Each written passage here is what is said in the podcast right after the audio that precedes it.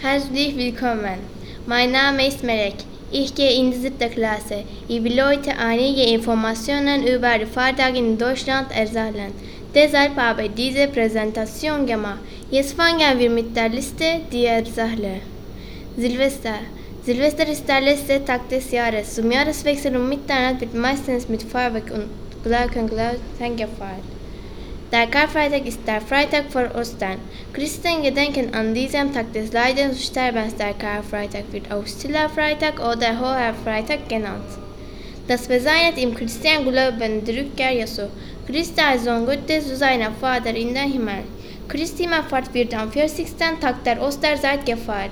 Es wird am 50. Tag nach Ostern gefeiert. Pfingsten wird auch Aussendung des Heiligen Geistes oder auch Ausgießung des Heiligen Geistes genannt. Deutschland Einheit im Einkommensvertrag zum gesetzlichen in Deutschland bestimmt.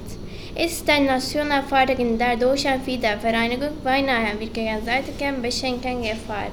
In deutschsprachigen und anderen Ländern findet die Bescherung abends am 24. Dezember statt. Oktoberfest ist ein zweiwöchiges Festival. Das findet in München in Deutschland statt. Dieses Festival hat jedes Jahr 6 Millionen Menschen. Es ist die berühmteste Veranstaltung in München. Es ist ein Fest der Menschen in Kostümen. Fast eine Woche lang sieht man verkleidete Menschen auf der Straße. Höhepunkt ist ein langer Zug mit vielen bunten Wagen. Vielen Dank.